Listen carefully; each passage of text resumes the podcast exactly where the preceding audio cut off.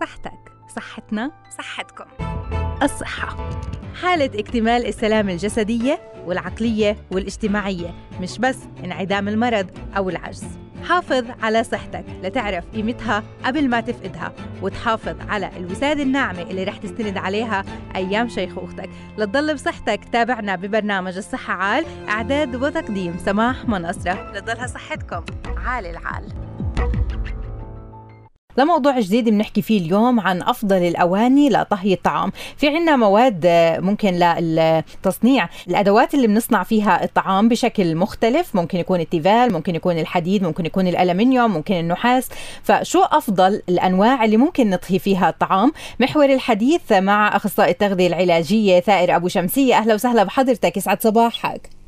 يسعد صباحك سماح. إن شاء الله يسعد صباح جميع المستمعين. أهلا وسهلا فيك. اليوم نحكي أستاذ ثائر عن آه، الأغذية اللي بالإمكان إنه إحنا نطهيها بطريقة أفضل من خلال اختيار المادة اللي بدنا آه، نطهي فيها الطعام. خلينا بداية نعرف عن أفضل المواد اللي ممكن نصنع منها مواد آه، تصنيع الطناجر والأدوات اللي بنصنع فيها الطعام. يعني بداية الحديث عن هذا الموضوع فهو فعلا من المواضيع المهمة جدا واللي بحاجة إلى طرح أمام آه، الناس بشكل عام وستات البيوت.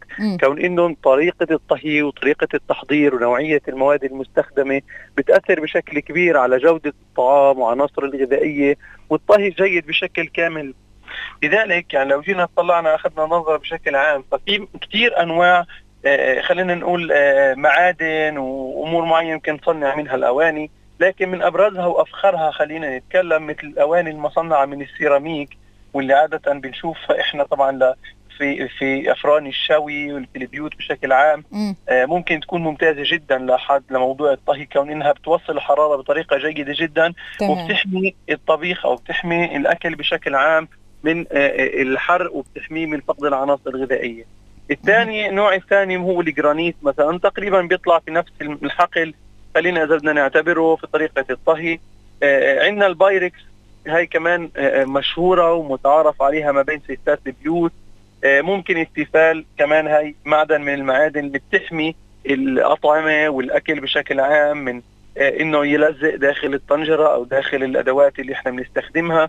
الستانلس والألمنيوم والفخار وهي الأنواع أو الأنواع اللي إحنا ممكن نساهم في الطهي الجيد من خلالها. لكن الترتيب اللي حكيته هو الأفضل يعني فالأقل خلينا نحكي فالأقل جودة من ناحية الأدوات والأواني. تمام. كمان يعني إحنا ممكن إنه طريقة طهينا للطعام يعني ممكن نطهي بهاي المادة اللي بنصنع فيها هاي الأواني لكن طريقة طبخ الطعام هي تكون الطريقة الخاطئة اللي ممكن إنها تأذي صحتنا لا سمح الله. لما بنطبخ مثلا على درجة حرارة عالية حتى وإن كان الإناء مناسب لكن درجة الحرارة عالية جدا قديش ممكن نعم. نضعف جودة الطعام؟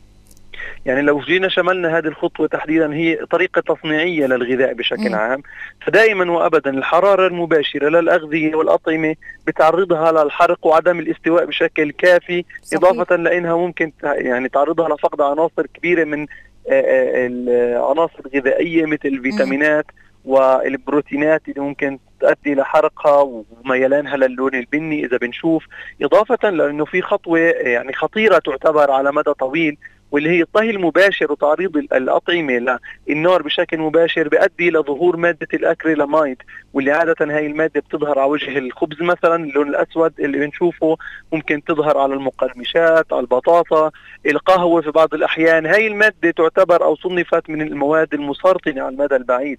لذلك يعني هاي الخطوة الخاطئة في الطهي ممكن تؤدي لوجود مادة مسرطنة على المدى البعيد اللي إحنا بنستهلكها شبه يومي صحيح. أو اللي هي الأمور المقرمشه بشكل عام. مم. لذلك قدر الإمكان نحاول إنه نعرض أو نطهي هذا الأكل أو هذا الطعام بطريقة مناسبة وعدم تعريضه بشكل مباشر للحرارة واختيار الصنف الأمثل من الأواني لحتى نعمل عليه في الطهي. تمام. نصيحة أخيرة بتقدمها لكل الأشخاص اللي بيتابعونا الآن لكل الأشخاص اللي بدهم الطعام فعلا ينضج بالطريقة المناسبة وبالشكل الصحي.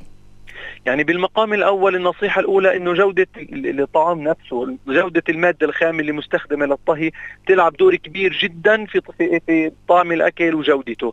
فأنا ممكن إني أختار أفضل أنواع خلينا نقول الأغذية أفضل أنواع الزيوت أفضل أنواع الأواني. فتحضير المواد الخام هي الخطوه الاهم والأساسية حتى يطلع عندي بالنهاية آه، طعام جيد جدا. تمام. الخطوه الثانية الحفاظ على نظافة الأكل وطريقة تحضيره حفاظه أو تخزينه الجيد عدم تعريضه للحرارة العالية قبل الطبخ أو ما بعد الطبخ عدم نقل اللحوم مثلا من من الفريزر مباشرة للطهي وهكذا هاي الخطوات مهمة جدا في طريقة تصنيع الغذاء حتى تمام. نحصل على جودة أعلى.